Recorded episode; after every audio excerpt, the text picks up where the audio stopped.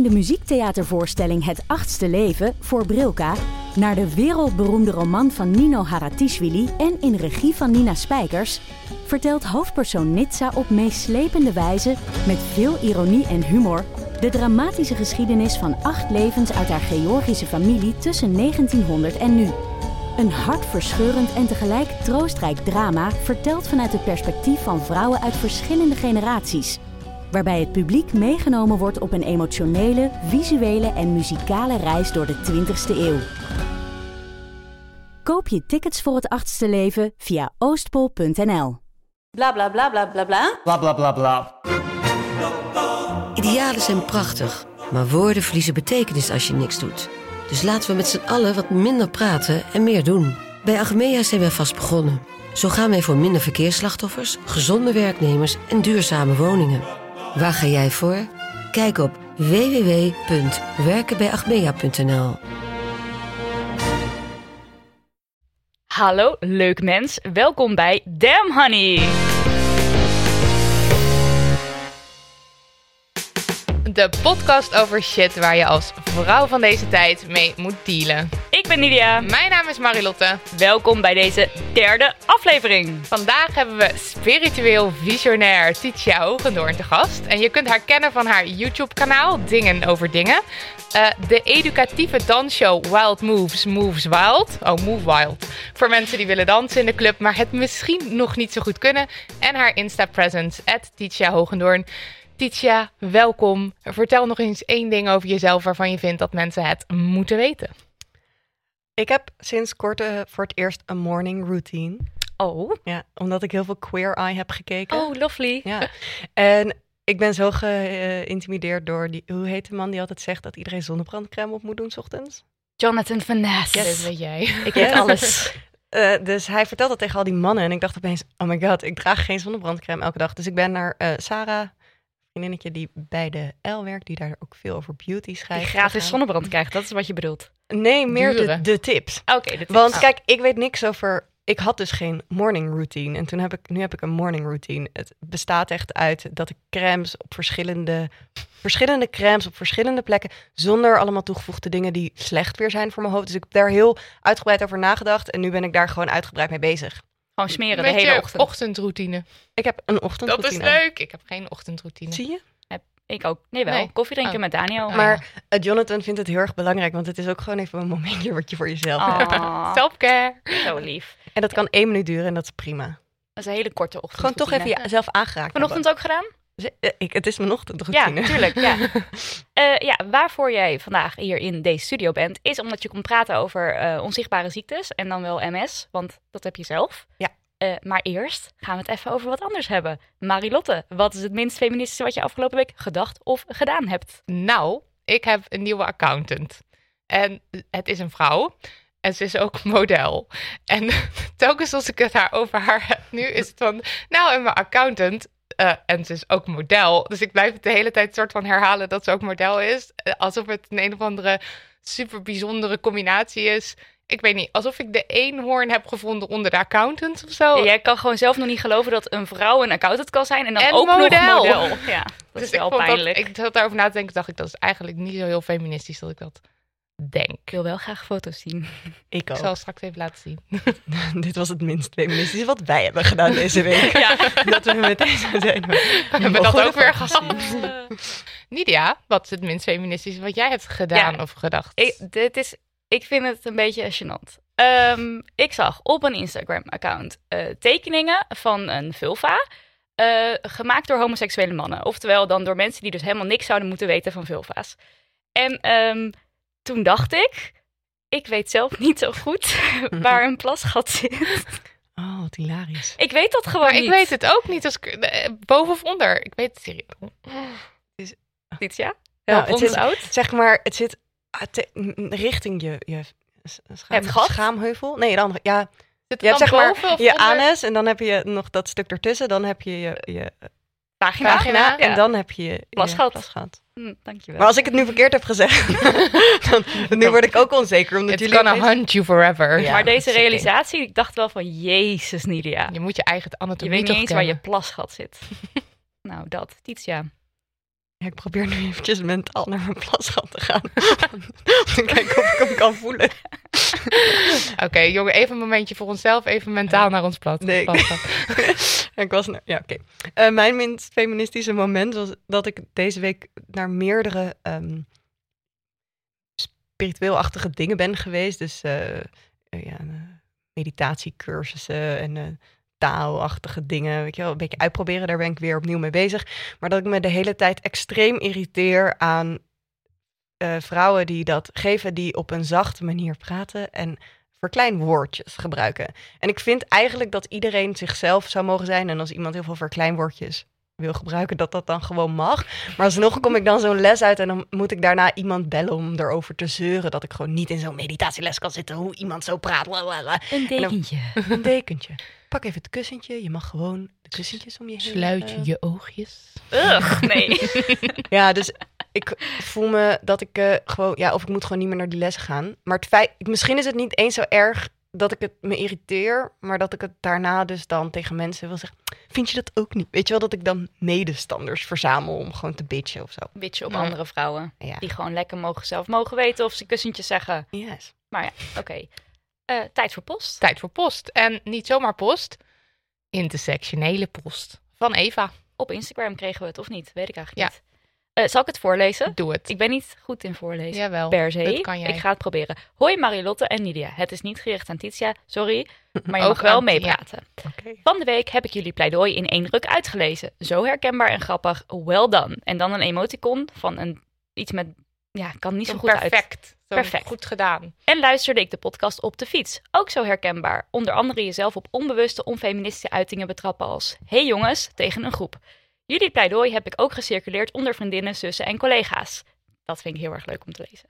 Eh, na het gesprek over vrouwen in de geschiedenisles deed me denken eh, aan het gebrek aan vrouwen in de wetenschap. Ik werk zelf namelijk voor een universiteit en ook daar komt dus een feministische houding zeker van pas. Zie www.athenasangels.nl, zet ik ook wel even in de show notes.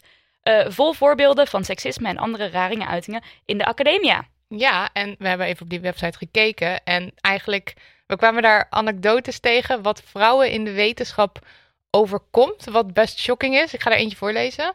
Ehm, ik was op een bijeenkomst voor hoogleraren waarbij het merendeel van de bezoekers oudere heren waren. Ik stond te praten met een vrouwelijke hoogleraar en we stonden in de buurt van een tafel waar stropdassen konden worden verkocht. Een van de heren kwam enthousiast op ons aflopen met de vraag of wij van de stropdassenverkoop waren. En dat hadden. ik vond het zo shocking dat het dus Zo vrouwen op kut. een academische bijeenkomst zijn en dat dan aangenomen wordt dat zij van de verkoop zijn. Echt.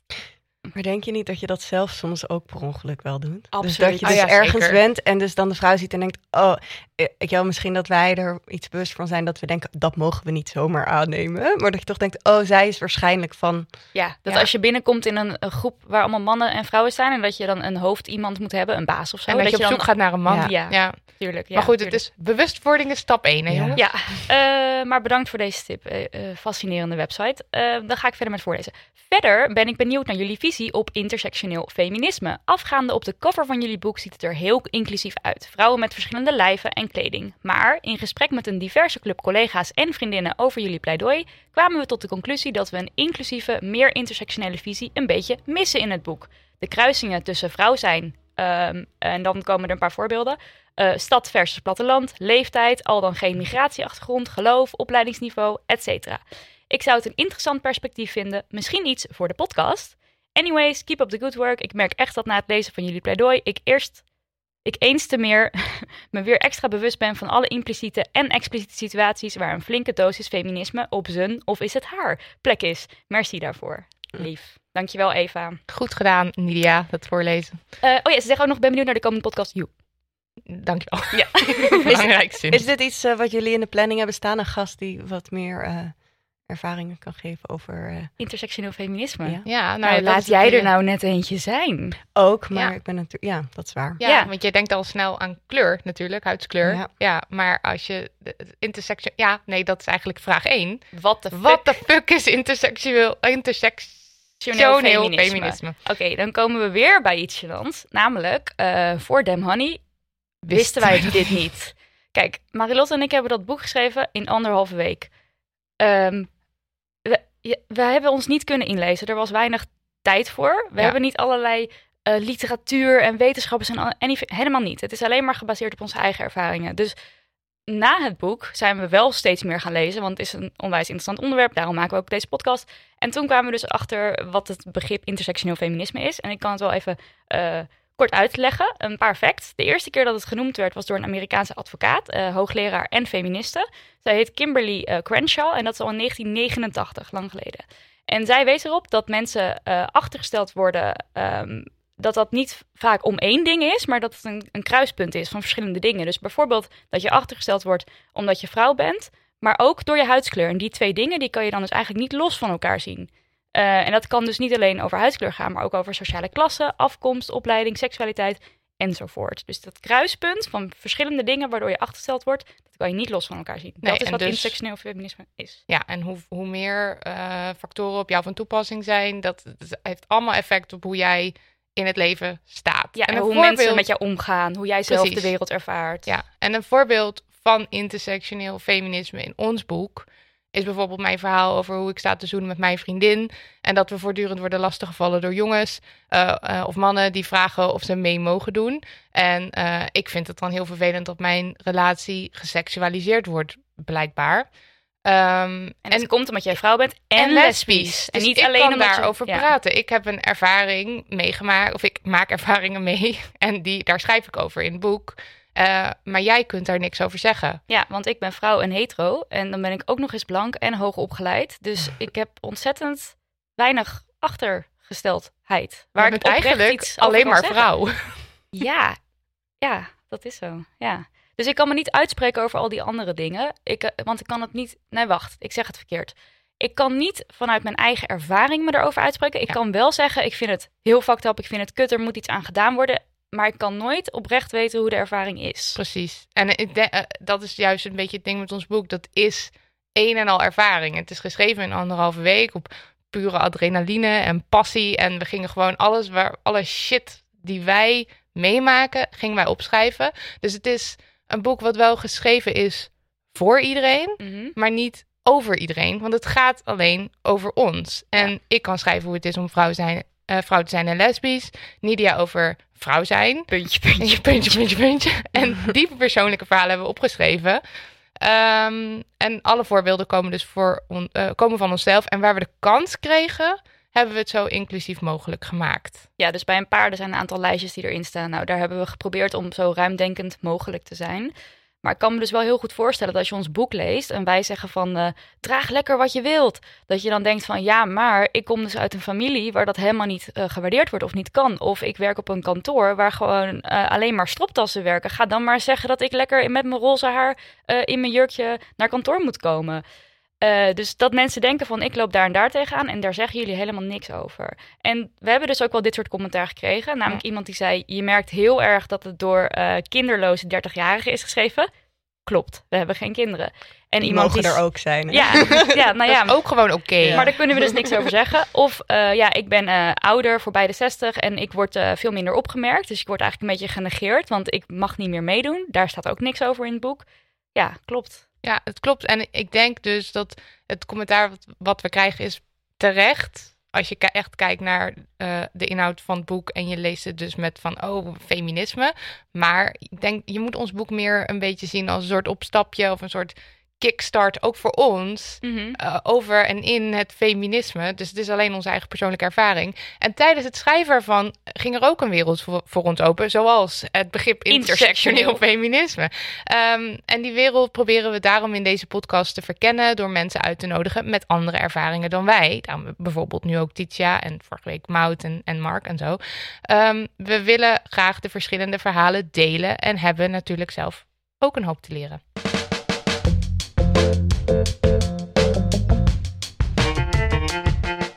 Ja, we moeten het even hebben over onzichtbare ziektes. Want eh, daar ligt nogal een stigma op. Mensen kunnen er onwijs veel last van hebben. Los van dat ze de ziekte hebben. Dus hoe er naar hen gekeken wordt.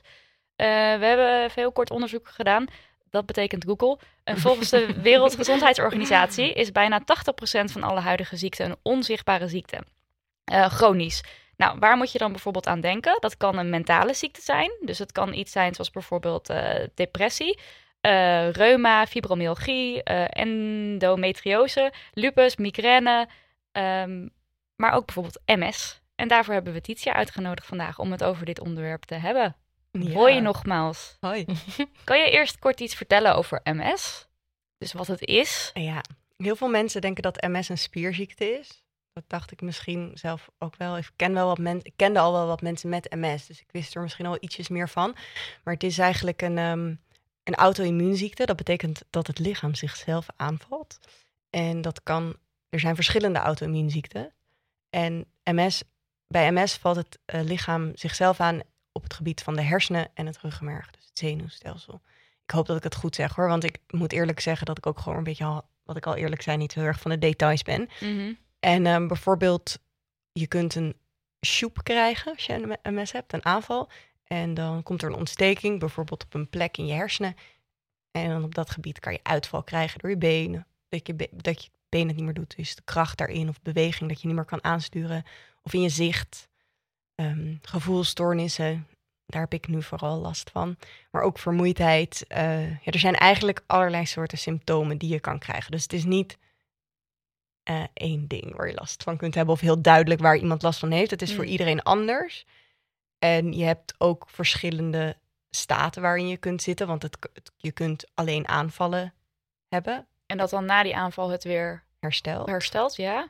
Maar je kunt ook bijvoorbeeld een aanval hebben en dat het op zich wel herstelt, maar dat door de ontsteking er wel een kleine, ehm, ja, hoe zeg je dat? Dat er wel een soort van Beschadiging? beschadiging blijft. Litteken. Nou, die littekens blijven sowieso, want die zien ze dus, eh, de, de multiple sclerose. Ik kan het zelf niet goed uitspreken. Betekent dus ook eh, meerdere littekens. En toen ze me gingen diagnosticeren, na de eerste echte heftige aanval, werd ik ook gediagnosticeerd, omdat ze in de scan zagen dat ik al meerdere littekens had. Dat betekent dat ik al meerdere aanvallen heb gehad in mijn leven. Dus je hebt het ook al een tijdje zonder dat je wist wat het was? Of zonder dat je er echt klachten had?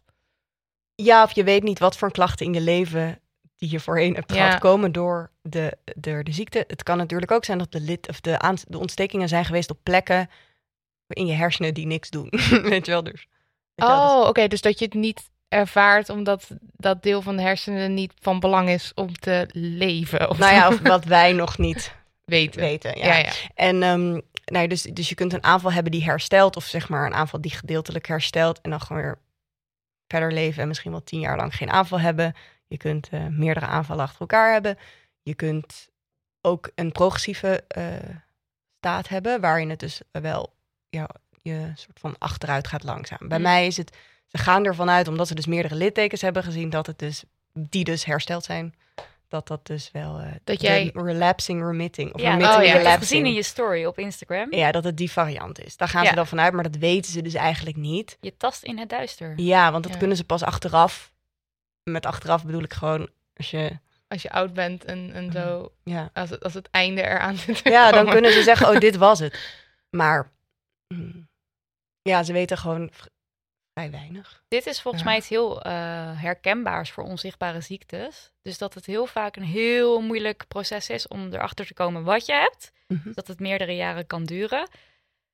Eh, en dat, de dat de artsen heel vaak ook niet weten eh, Waar ze mee te maken waar ze mee moeten beginnen, waar ze mee te maken hebben. Dat je een eindeloos traject ingaat. Dat er dan een diagnose komt die misschien ook maar een soort half is. Dus je hebt nu wel een diagnose, maar dat je ook niet echt weet waar je nou aan toe bent. Welke therapieën helpen. Hoe Eh, ging dat bij jou? Ja, Nou, bij mij, ik heb nu ook wat andere, eh, vooral meisjes, want het is dus echt een vrouwenziekte. ja? Ja, ja. dat las ik al. ehm, leren kennen die het eh, ook hebben. En daar hoor je dus ook allerlei verschillende verhalen van. Ehm, en bij mij kwam die aanval, dus ik kon dus opeens niet meer eh, ja, lopen, omdat ik mijn linkertenen niet meer kon bewegen. En ik, nee, wacht even. Ja, mijn linkertenen. En mijn buikspieren deden ook raar, dus dat gebeurde eigenlijk in een, ja, in een acht uur of zo. Werd het opeens heel, weet je wel, steeds erger. En op een gegeven moment liep ik gewoon echt als een soort van, ja, gangster. Lijkt me niet ook wel die- heel angstaanjagend eigenlijk. Als... ik, als ik erover nadenk, ik was eigenlijk echt heel weinig bang. Ik was helemaal niet zo in paniek. Mm. Ik weet niet waarom. Misschien omdat ik me gewoon heel lekker voelde voor de rest toen der tijd. Hoe oud was je toen? Dit is in, eh, het is heel recent pas. Oké. Het is in februari gebeurd. Oh, van echt? dit Zo jaar? kort geleden. Ja. Ja. ik ben gewoon iemand die dan meteen, zeg maar, er heel erg over praat of zo. zo ben ik denk ik dan. Want sommige mensen krijg ik dan ook wel Instagram berichtjes van. Nee, een van de redenen waarom ik er zo open over ben, is omdat ik er dus achter kom dat er heel veel mensen het heel moeilijk vinden om er open over te zijn. Ik kan er wel wat redenen voor verzinnen waarom Ja, het moeilijk ja. is. Maar ehm, ik kan niet, niet open zijn of zo als mens. Mhm. Dus toen dacht ik, nou, laat ik het er dan maar ook wel extra over hebben. Want dan ja, kan je toch misschien nog iets. Het is, ik vond het heel prettig toen ik op een gegeven moment na zes maanden YouTube, op YouTube een meisje in Engeland vond die niet super. ehm, die gewoon wat meer op mij leek. Dus die niet eh, heel, of heel oud was. Of gewoon iemand was die ik echt niet ben. Of ehm, weet je, alle sites zijn ook heel. Die gaan over MS zijn ook heel lelijk en oud en zo. Ja, En toen ik dat meisje zag praten erover, toen voelde ik heel erg. ik- Representatie helpt gewoon heel erg. Dus daarom snap ik de vraag heel erg. Want ik voelde gewoon. Er was iets wat in mij gewoon wat meer. Ja, ik weet niet eens. omarmd werd of zo. Omdat je dacht: oh, ik ben niet. Je bent wat minder alleen. Ook al spreek je haar niet. Omdat iemand het ook heeft die er gewoon uitziet zoals jij. En wat zijn dan redenen om het er niet over te hebben? Want jij hebt dus gekozen om dat wel te doen. Ja. Nou, ik merk steeds vaker eh, dat, dat ik denk, oh, ik vind dit echt, weet je, hoe verder ik kom dit jaar, dat ik denk, oh, dit is wel echt lastig. Bijvoorbeeld met een, een nieuwe baan zoeken. Of ehm, ja, ik ben dus nu ook weer wat meer gaan acteren. En dan ga ik dan met de, tegen de producent zeggen van, hey, hoi, leuk dat je me hebt gekast. Eh, hier wel wat dingen waar je rekening mee moet houden. Eh, vooral omdat ik nu een aantal klachten heb, weet je wel. En dan denk je toch van, ja, je wil niet dat ze denken... ehm, dat wordt een lastig geval. dat of wordt zo. een lastig geval. Ja, ja. Kunnen je we bent hier- een lastig geval. En dat Ja. is zo. En dat is Ja. nu eenmaal zo. En daar is ook. Daar moet mee te werken zijn. Maar ik snap ook dat mensen dan denken Vooral van ik hou het liever voor me. Want Ja, en vooral ook op het gebied van, eh, weet je wel, castings of zo. Dan denk ik ook van, ja, ja, ik weet niet. Het- is lastig. Maar oh, relaties, nieuwe, nieuwe eh, mensen Ja. ontmoeten. Het is dus ook dus het stigma wat ehm, ik, ja, ik vind, ik vond MS een vrij onsexy ziekte. En nu ik het zelf heb, natuurlijk het jij doet sexy hard je as best om het sexy te maken. nou ja, je bent zelf sexy en dan zeg maar, of ik vind mezelf Ja. vrij sexy en dan zeg maar, heb ik MS. En hoe kan ik dat dan nog onsexy vinden? Maar het is wel, er, er, ja, dat al dat soort dingen. Ik denk dat, dat mensen dat moeilijk vinden, de manier waarop mensen reageren. Dat je er, Gaan mensen zo heel erg van... eh, ga, ga maar lekker zitten, Titia. Doe maar, doe maar rustig aan. Overbezorgd. heel Moet jij dit wel irritant- doen? mensen schrikken, niet allemaal, maar voor een groot deel wat ik het meest meemaak, is dat mensen erg schrikken. Eh, want MS heeft een, ja, dat is een van de dingen die ik mee heb, die heb ik geleerd in het ziekenhuis, is dat ehm meeste mensen die iemand kennen met MS of weten dat de persoon MS heeft, dan weet je het, die persoon zit in een rolstoel en zit in een, eh, ja, die, die, die heeft zeg maar zichtbaar en vrij ernstig Maar dat is dan dus een Lastig. vergevorderd stadium ervan. dan weet je, die persoon heeft MS. En er zijn veel meer mensen die MS hebben, maar dat weet je dus niet, omdat dat zijn mensen zoals ik, waarvan je niet weet dat ze MS hebben. Terwijl ik heb ook gewoon MS. En dat zei die persoon ook van, weet je wel, toen ik hoorde dat ik MS had, toen was ik natuurlijk erg geschrokken, want dan ga je allemaal dingen denken. En ehm, het was ook een van de dingen waar ik het bangst voor was ooit te krijgen, want ik kende mensen met MS en toen dacht ik, Dat wil ik niet. dat wil ik echt niet. Ja. En eh, dus daar was ik ook wel in het. Ik lag heel lang in het ziekenhuis. Ze waren allemaal het onderzoek aan het doen. En toen dacht ik, als maar geen- weet je wel, dat je dat Mm. denkt. Maar ja, mijn neef heeft ook MS. En ehm, toen. Is het erfelijk ook? Mm, ja, ze weten heel weinig. Ze zeggen in principe van niet, maar het is wel zo dat. Kijk, het is eh, bepaald door. Hoe zeg je dat? Het is extern. Iets wat je. Als je geboren wordt in een land eh, onder de. Hoezo? Oh, Onder de evenaar. Onder de evenaar. Dan heb je er. En je verhuist. eh, na 15, jaar- op je vijftiende hier naartoe maak je geloof ik net zoveel kans. Of het is andersom op je. Als je Maar hier in de westerse wereld heb je meer kans op MS. het is een westerse ziekte. Oh, oké. En ehm, Huh? ja, dus ze denken misschien vitamine D of zo. Hmm. bepaalde virussen, maar ze zijn er dus niet over uit. Maar het is natuurlijk wel zo dat je genen natuurlijk wel meer aanleg kunnen hebben om iets. Ontwikkelen. Ontwikkelen. Ja. En kijk, ik heb dan, ik ga nu ook naar allemaal alternatieve mensen. Die hebben hier wel allemaal, die kunnen allemaal precies zeggen hoe het wel zit. Die weten allemaal wel de antwoorden. Ehm, maar dan ga ik nu allemaal theorieën vertellen. Die dat is misschien voor een andere podcast. De conspiracy podcast. Ehm, ik weet niet eens meer wat ik aan het zeggen was. Dat, ehm, je, dat mijn neef, toen die avond dat ik het hoorde, had hij me een berichtje gestuurd. eh, over Facebook van, hey, ik hoorde het rot. En als er iets is wat ik eh, voor je kan doen, weet je wel. eh, ja, Ja. bla bla. En toen zei ik tegen hem, ik herinner me dit nog heel goed. Ik zei tegen hem, hey, eh, we waren een beetje aan het kletsen. En toen, zei, ik- en toen merkte ik hoe fijn het was om met hem te praten erover. In plaats van elke arts of persoon die zegt, "Oh, het komt goed. Weet je wel, je, je denkt, nee, ik heb MS, het komt niet goed. Het is niet leuk. Je begrijpt het niet echt, weet je wel, die andere mensen die daarover praten. En toen, dus met hem daarover praten, ook al zeiden we drie dingen, voelde heel fijn. En toen ehm, zei ik tegen hem, hey, dit klinkt misschien onaardig. Weet je wel, ik ben heel blij dat, je, dat jij ook MS hebt. En ik bedoel niet, en ik bedoel niet dat ik blij ben dat je MS hebt, maar voor mij is het heel fijn dat ik, dat Dat je je verhaal kan delen en kwijt kan en dat iemand je snapt. en toen zei hij tegen mij, ik heb het nooit echt erg gevonden. En zei ik, huh? Weet je wel, wat bedoel je? Dat, dat, ik snap niet. En toen zei hij, ja, dat ik MS heb. En toen ging er, en toen, ik weet nog echt dat mijn hersenen soort van explodeerden. Dat ik dacht, dat ik helemaal ging nadenken, hoe kan je dit niet erg vinden? En toen gingen mijn hersenen heel snel allemaal dingen bedenken. Omdat het zo raar was wat hij zei, gingen mijn hersenen opeens op overload. Gingen ze allemaal dingen bedenken, waarom zou het niet erg kunnen? Allemaal dingen. En toen voelde ik opeens een soort ruimte ontstaan om het ook niet erg te kunnen vinden. Maar soms heb je ook gewoon iemand nodig die dat tegen je zegt, zodat, er, zodat, zodat die klik in je hoofd Ja. opeens aangaat. Ik denk Ja. dat dat met heel veel dingen zo is. Ja, Dat je opeens, want jij hebt dat beeld, het is een onsexy ziekte, ik wil het niet, ik wil het nooit. Ja. En dan is het zo en dan moet je dus daarmee leren omgaan. Ja, dus ik was daar echt, eh, toen dacht ik, sindsdien, kijk, ik bedoel, er zijn heel veel momenten waarop ik het wel erg vind. Ja.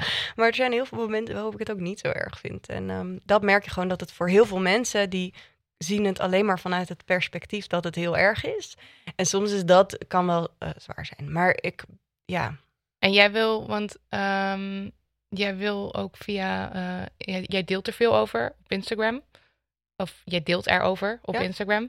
Eh, en daarmee wil je het ook waarschijnlijk iets minder zwaar maken en iets minder heftig. Ook Mm. voor andere.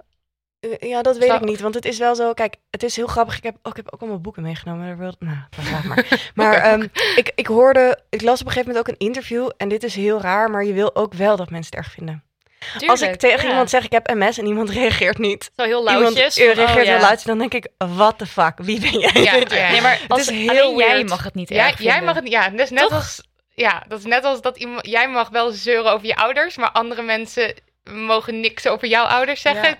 Dat is Tuurlijk. ja, misschien Het dat. is, eh, het is Jij bent raar. degene die ermee moet dealen. Als ik Ja. nu ga zeggen, ja, eh, Titia, kunnen we het dan nu weer even over iets gezelligs Ja. hebben? Want dat stomme gedoe, dat is Maar we allemaal niet zo gaan- erg. ook niet helemaal in, in zo'n gesprek over hoe zwaar en moeilijk het is. Dus het is daar een midden in je kunt het bijna niet goed doen. En ehm, dat is gewoon iets wat ik zelf ook altijd besef, weet je wel. Het is heel ingewikkeld wat dat betreft. En ook misschien omdat het voor mij nog heel vers is. Ja. Ik weet ook niet, soms twijfel ik ook van, is het wel slim ook om in zo'n podcast daarover te gaan praten, terwijl ik nog niet alles weet. En er zijn mensen die nu luisteren, die waarschijnlijk al veel langer te maken hebben met bepaalde dingen.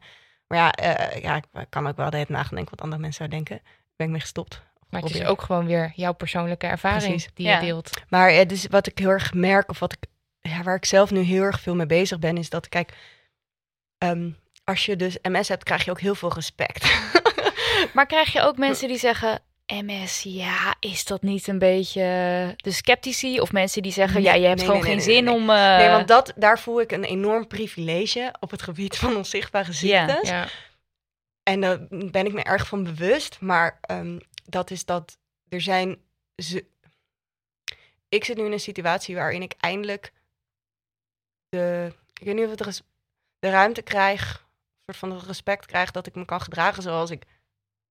Heel klinkt zo raar, maar ik kan de rust pakken die ik nodig heb. En als ik nu zeg ik ben moe, dan zijn mensen oké. ja. Eh, ik hoef niet te verantwoorden dat ik moe ben. Als ik ergens last van heb, hoef ik niet te verantwoorden dat ik ergens last van heb. Er zijn heel veel ehm, ziektes die nog niet zo goed gedefinieerd zijn of zo. Of Ja. dat, die, waarbij dat veel lastiger is. En dus, ja, dus wat dat betreft voelt het ergens als een privilege. dat je in ieder geval een eh, sticker erop kan plakken die mensen enigszins serieus nemen. eh, die mensen super serieus nemen. Ja. Als ik waarschijnlijk heel lang geleden geboren was, dan was ik eh, in een gesticht gezet als hysterische vrouw. Omdat als ze niet weten wat er met je aan de hand is, als ze niet er iets, want dat is nog steeds wel zo eigenlijk, dan eh, je hebt gewoon allemaal rare symptomen, dan eh, is het vaak mentaal. Hè?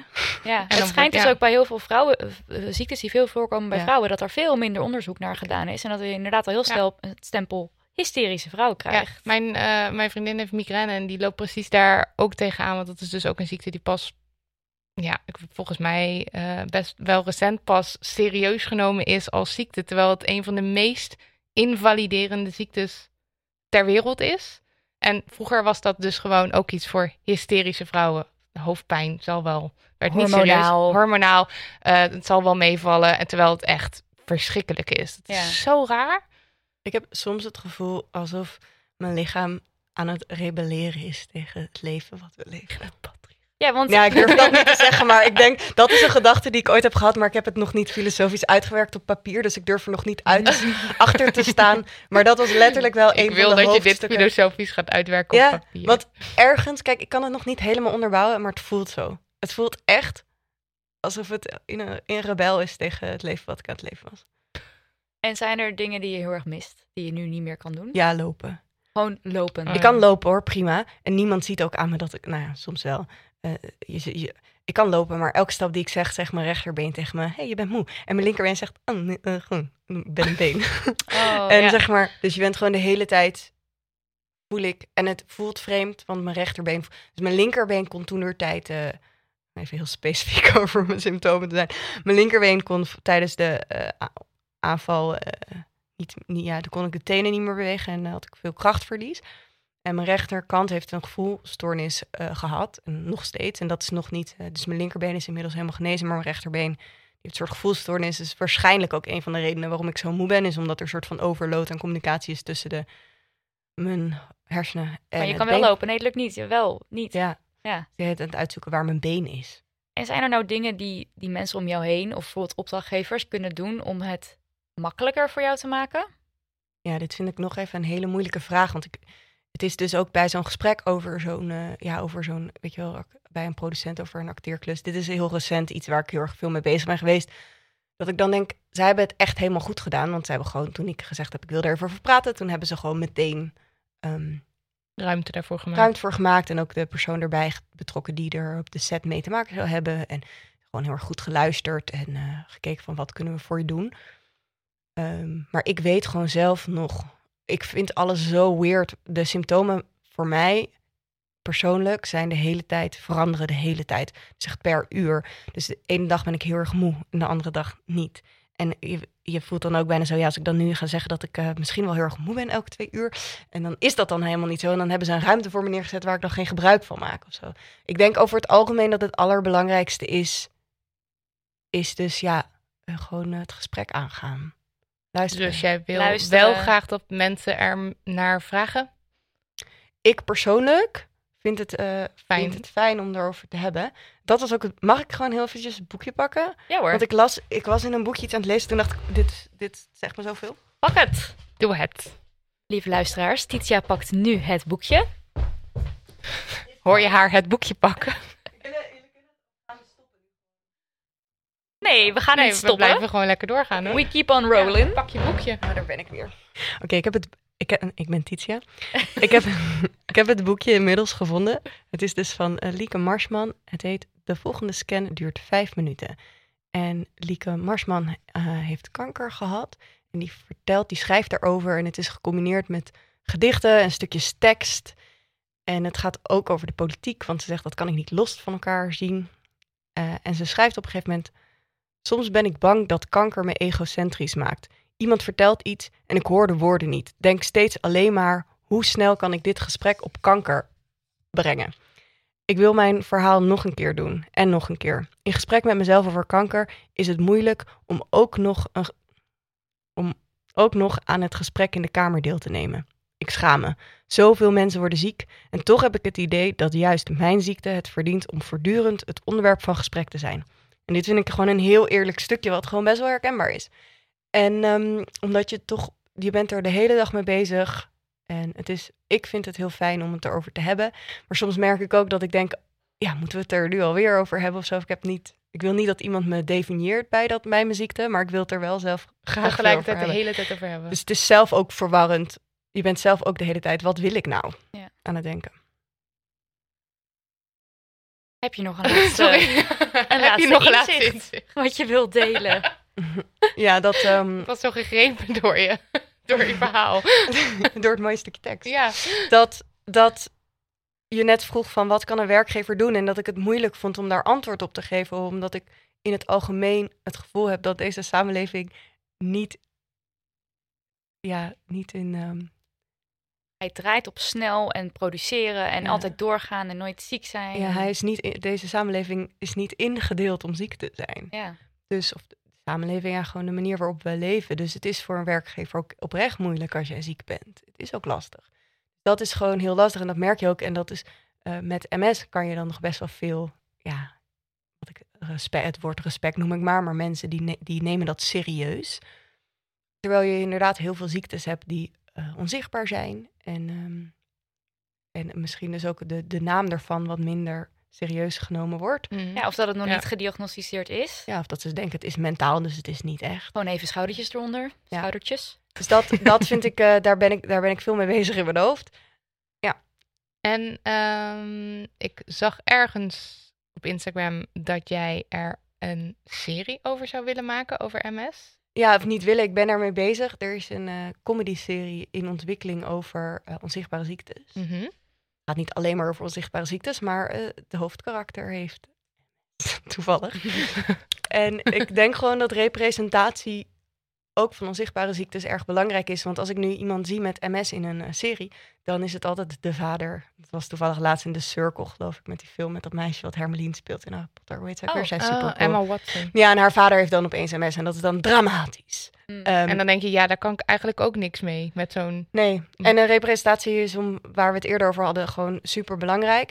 En je merkt gewoon bijvoorbeeld dat er zijn heel veel mensen die niet in een rolstoel hoeven te zitten, omdat hun benen, ehm, eh, die, die werken wel, maar die moeten om andere redenen in een rolstoel zitten. Maar die kunnen best wel even lopen.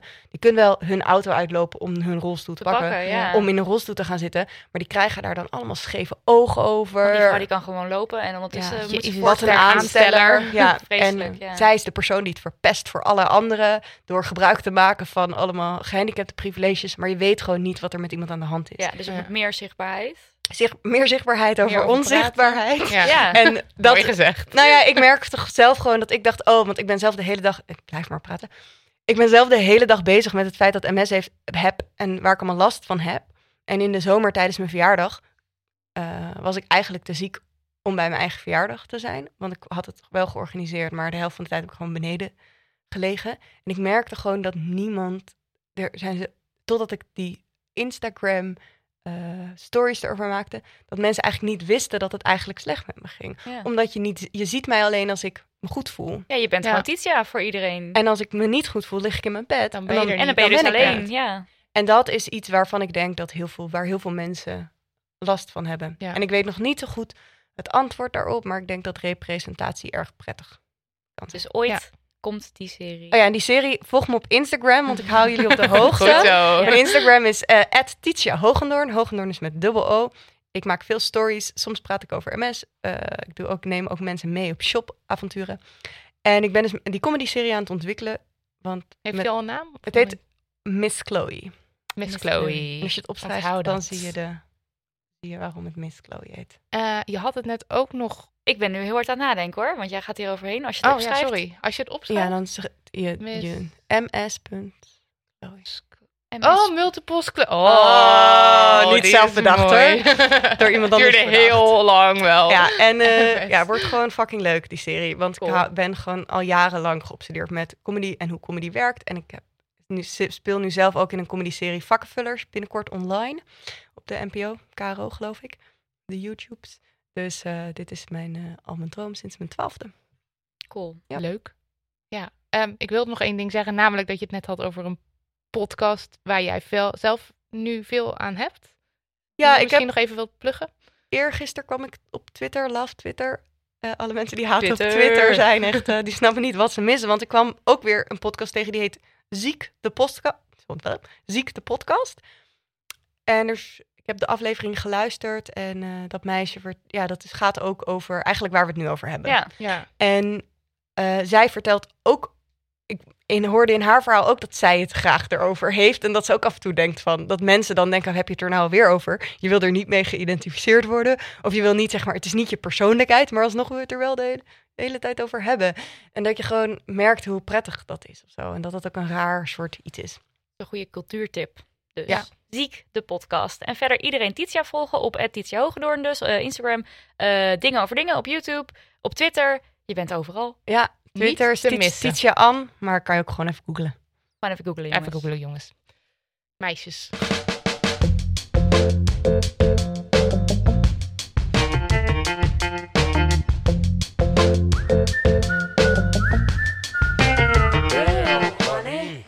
Lievelingsrubriek Nidia. Jij moest deze aflevering voor een Damn Honey No zorgen. Iets waarvan je dacht, what the fucking fuck. Het lukte weer hoor. Yes. Geen probleem. ja, eigenlijk, no. Luister hier maar even naar. Veel publiek hier langs de kant. Mooi.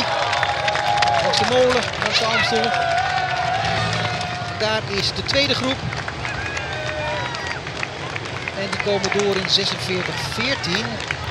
Die zijn niet verder achterop geraakt bij de punt. Integendeel, ze zijn een stukje dichterbij gekomen. Een paar seconden, maar toch. Nou, je luisterde dus naar de Amsterdam Marathon, die afgelopen zondag was.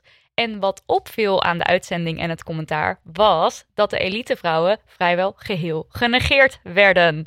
Nou, ehm, er moet twee uur opgevuld worden als je naar een marathon gaat kijken op televisie, want het duurt ongeveer twee uur. Twee uur is heel erg lang, maar blijkbaar nemen ze dus niet de moeite om de elitevrouwen in beeld te brengen. Dat is erg. Dat is heel erg. En dan wel over molens. En Het zo. ging wel over molens en schapen en over heel veel saaie dingen, maar het ging niet over de mannen. Dan denk je dus Over de misschien... vrouwen. Nou, eh, over de vrouwen, sorry. Dan denk je, stom, maar waarom is dat dan precies zo erg? Nou, hoe, hoe hard die vrouwen dus lopen, het is blijkbaar nooit genoeg. Dus ze trainen zich helemaal kapot, net zo hard als die mannen. Maar blijkbaar is het niet genoeg om ze eh, in beeld te brengen. En Amsterdam is ook niet de enige marathon waar dit gebeurde. Ook in Frankfurt gebeurde dit in 2017. En dat zorgt er dan weer voor dat vrouwen dus minder aandacht krijgen, minder eh, sponsorgeld, lagere eh, prijsgeld als ze dus winnen. Ehm, en doordat de, eh, de vrouwensport dus zo weinig podium krijgt, staat het wereldrecord dus al 15 jaar, het vrouwenwereldrecord van de eh, marathon. Want waarom zou je heel hard gaan trainen? Je krijgt toch geen geld, dus waarom zou je het eigenlijk motivatie. doen? Ja, terwijl er zijn dus daadwerkelijk vrouwen die dit wel proberen. Er zijn steeds meer vrouwen die elite willen eh, worden. Maar dit, dit, dit werkt gewoon niet. En is het dan, want ik kan me voorstellen dat veel mensen zeggen van ja, maar luister nou, vrouwen zijn ook gewoon minder snel dan mannen. Maar het is natuurlijk een eigen verhaal wat zij hebben. Dus vrouwen onderling die gaan ook die strijd aan. En natuurlijk zijn ze minder hard, rennen ze minder hard dan de mannen. Je zou nog kunnen zeggen, komt dat puur alleen door spierkracht... of komt dat ook omdat ze al jaren meer voorsprong hebben op de vrouwen? Dus dat is nog even een side track. Want bijvoorbeeld bij Dat lange afstanden, wel, dus bij echt lange afstanden, voorbij de 40, ultramarathons... daar lopen vrouwen en mannen redelijk gelijk op. Dus dat is ook alweer fascinerend. Eh, Kan het iets te maken hebben met eh, de, gewoon de bouw van een Ja, vrouw? precies. Dat, het min, dat die Ja. minder ingesteld is voor Ja. sprint? Maar je kan dan natuurlijk het verhaal van de vrouwen vertellen... en het verhaal van de mannen Ja, als als vertellen. twee verschillende Ja. dingen. Ja, en wat ze bijvoorbeeld in New York doen, is de vrouwen eerst laten starten. En dan komen de mannen later ze inhalen. En dan heb je dus dat het gelijk opgaat, visueel. Ja. Dus daar zijn ze heel bewust bezig met storytellen en ervoor zorgen dat er evenveel verhaal naar de vrouwen als naar de mannen gaat. Zodat ze evenveel podium hebben. Wat gewoon helemaal zo zou moeten zijn. Ja, zo moeilijk is het Zijn eigenlijk er ook helemaal veel niet. vrouwelijke presentatoren? Nee, en Nee. dat is dus ook een probleem. Dat vaak de mensen in de studio die er commentaar op moeten geven, dat die helemaal niet weten wie die vrouwen zijn en wie de, eh, ja, wat het achtergrondverhaal is, wat ook een probleem is. En in eh, Engeland heb je Paula Radcliffe en zij is dus de wereldhouder, de wereldrecordhouder. En in Engeland wordt het dus veel beter gedaan, want daar zit zij vaak in de studio. Ja. Dus, Dus, dat is en ook mensen kennen iets. haar ook als Precies, ja. diegene die rent. Eh, maar ik kan er een kleine Damn Honey Yes van maken, want ik werd hierop gele- eh, gewezen door Nana Munneke.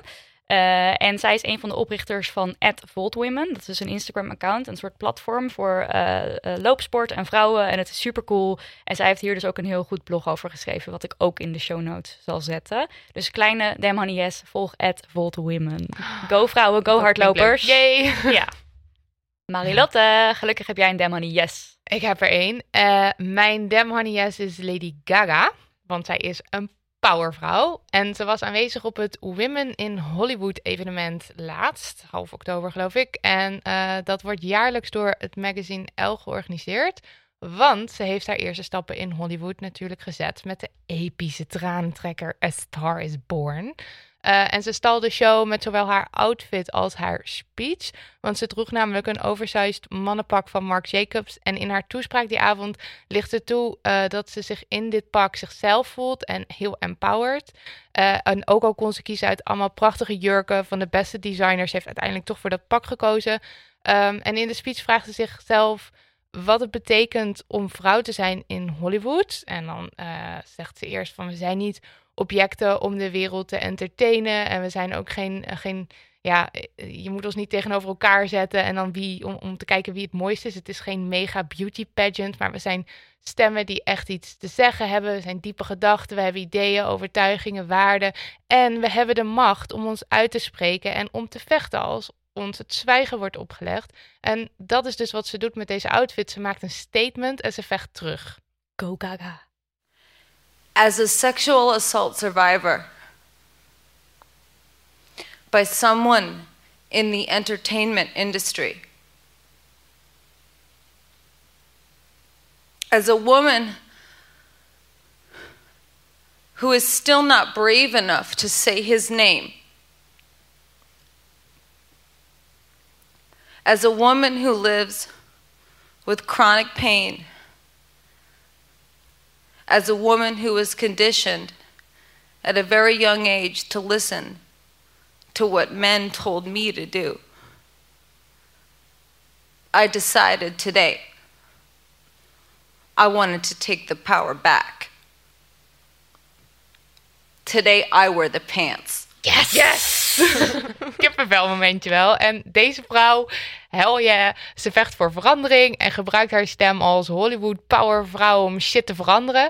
Uh, dus zij is mijn damn honey yes deze week. Ja, en zij heeft Kijk, dus een onzichtbare ja. ziekte, hè? Fibromyalgie heeft ze, toch? Ja, en dat is die, daar, daar, die wordt niet serieus genomen trouwens. Nee, please, kijk die documentaire over Lady Gaga op Netflix. Zij, deze chick heeft zoveel gevoelens op hem. Ja, ik vind dat heel prettig.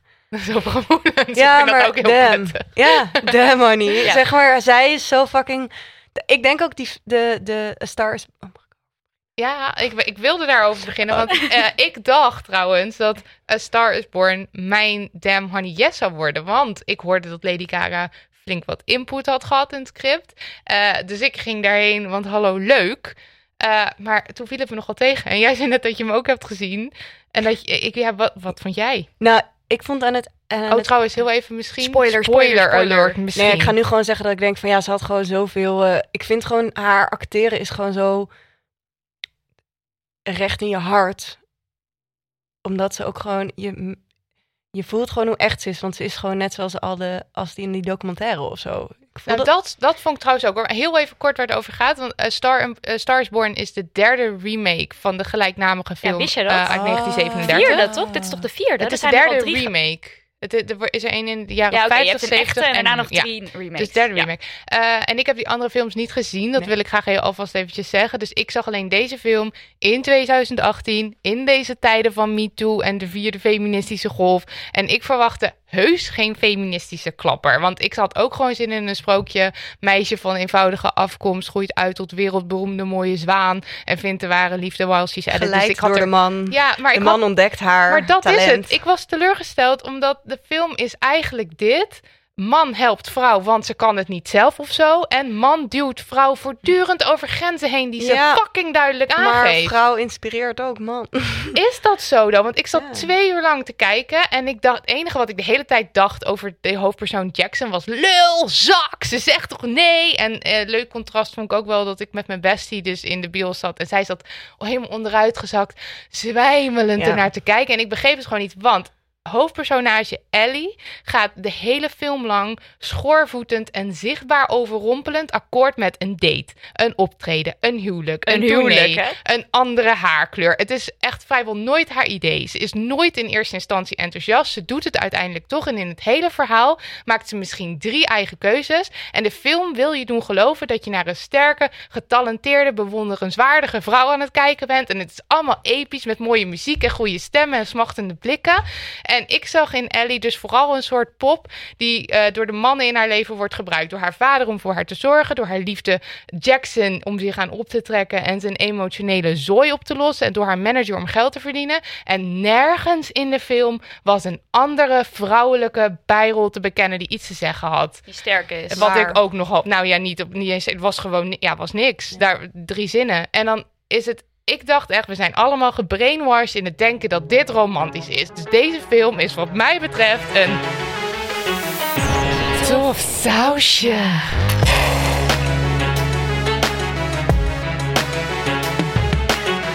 Een tof sausje, ja. Hartstikke mooi gemaakt, goed gecast, goed geacteerd. Want ja, Lady Gaga gaat echt recht in je ziel, ziel en fantastisch gezongen. Chemie tussen de hoofdrolspelers, mensen, mensen. Ze hebben alles ingezet eh, om het een eye-catcher te laten zijn. Het is prachtig, maar ik dacht dus wel onderliggende kutboodschap. Kan je hierin vinden, vraag ik me nu af. Ik kan hier zeker in vinden. Dit is ook iets waar ik over na heb gedacht. Maar ik ben wel met het idee dus al naartoe gegaan, naar de film toegegaan dat dit zo'n soort film zou zijn. Wat misschien dus al Ja, maar ik kon het dus ook gewoon echt niet zo leuk vinden toen, ik- toen, toen Ja. ik het zag of zo. Weet je wat ik wel heel zei? Ik, het is moeilijk, want ze vertelt ook gewoon een verhaal van een vrouw van hoe het wel vaak gaat. Ja, maar dat, dat, dat- juist dan denk ik, gebruik je, je, je stem, je film om eens een andere boodschap te laten Ja, zien. en weet je wat fascinerend is? Ik heb Oké, laat ik wel eerlijk zijn. Ik heb niks gezien. Hè? Deze film niet, alle andere films ook niet, maar ik heb me er goed op ingelezen. En in de eh, vorige films heb je dus bijvoorbeeld een hele sterke oma die zegt: Go Nou, girl, ja. eh, ga dat eh, podium pakken, ga die acteerplek doen. Eh, en dat is wel fascinerend. dat ze dat dus vrouwelijke- terug dat, je veranderd dat, net hebben. zei, dat je dat net zei, toen dacht ik, wow, damn, je hebt zo gelijk. Ik haat dat normaal echt, dat ik, dat ik naar een film kijk waarin ik denk... er is Maar er Ja, was, een want ik zat nog te alle- denken, er zijn er twee. Een assistent van Jackson en die zegt alleen maar, jullie kunnen hierheen lopen en dan sta je Ja. achter het podium. En de vrouw van de beste vriend van Jackson, die op een gegeven moment op het balkon staat en die, ze, en die zegt dan iets. En dan zegt Oh, haar, ja, die jongen, die zegt dan, ga je aan. maar even aankleden. Terwijl ze heeft een fucking pyjama aan. En dan denk ik echt, eh, hallo, Ja. En eh, de, de derde, die is in de jaren tachtig gemaakt met Barbara Streisand. 70. Oké, dat weet ik niet. Eh, en dat is dus tijdens de tweede feministische golf, als ik dit goed zeg. Ik kijk Ja. nu even naar Marilotte. En daar, kreeg dus, daar was dus heel veel kritiek op. Want die vrouw die was te sterk. En dat konden ze allemaal niet Mm, geloven. Alleen maar negatieve recensies kan Ja. je daarop vinden. honey. Het is echt, het is uh, Damn, damn, honey. honey. Damn Maar, honey, en wat vind je dan van dat in de film wordt eigenlijk wel laten zien... Het, je kijkt wel naar, want we zijn nu aan het spoileren, toch? Ja, we zijn Ja, aan het mag ja. Je kijkt wel naar Lady Gaga en je bent wel, je ziet wel dat, dat, het, dat ze onfeministisch behandeld wordt, dat ze gebruikt wordt als een pop.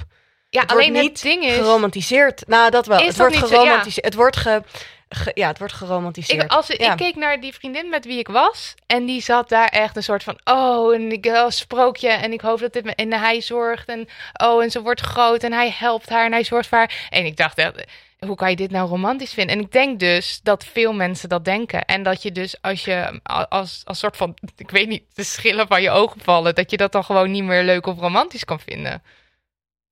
Ik denk dat we het hierbij moeten laten. Want anders Ik gaan we hier nog een uur over Ik zitten praten. En ik heb die hele film niet gezien, dus ik kan er niks over zeggen. Ik ga er wel heen. ja, doen. Doe maar, Ik heb, eh, ik heb, Kritische blik, maar ook met zwijmelblik. Ja, Ja. gewoon ik allebei. heb het laatste Geniet kwartier ervan. gehuild.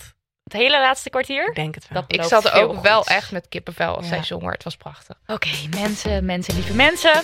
Dit was het alweer. Aflevering 3 van Damn Honey, de podcast. Bedankt, Titia, Jullie voor bedankt. je geweldige bijdrage en dat je aanschoof bij ons. En veel dank aan onze producer Daniel van de Poppen en onze jingle meneer Lucas de Gier. Dankjewel Eva voor het insturen van de brief. Fijn dat je ons hier nog even extra op wijst. En we gaan dus absoluut ons best doen om nog veel meer inspirerende, bijzondere vrouwen uit te nodigen die allemaal een eigen verhaal hebben wat wij niet per se hebben. Precies. Eh, laat van je horen via Instagram, at of mail naar info at damnhoney.nl, want we love post en we lezen alles. Of doe het niet, want whatever. Maar koop wel dat boek. Koop het boek 5,99 via scheltema.nl gratis de thuisbezorgd en, en koop het. Ik heb het in één. Oh. Ik, ja, ik wilde nog even zeggen, ik heb het gekocht en in één ruk uitgelezen. In de zon. Ah. En het eh, warmde mijn hart. Plot twists. Bekentenissen. ehm, Gewoon een live promo. Ga ja. door. Doe het. Dankjewel. comedy. Ja, alles. Doei. Doei, Dag. dag. Adieu, auf Wiedersehen. Buongiorno.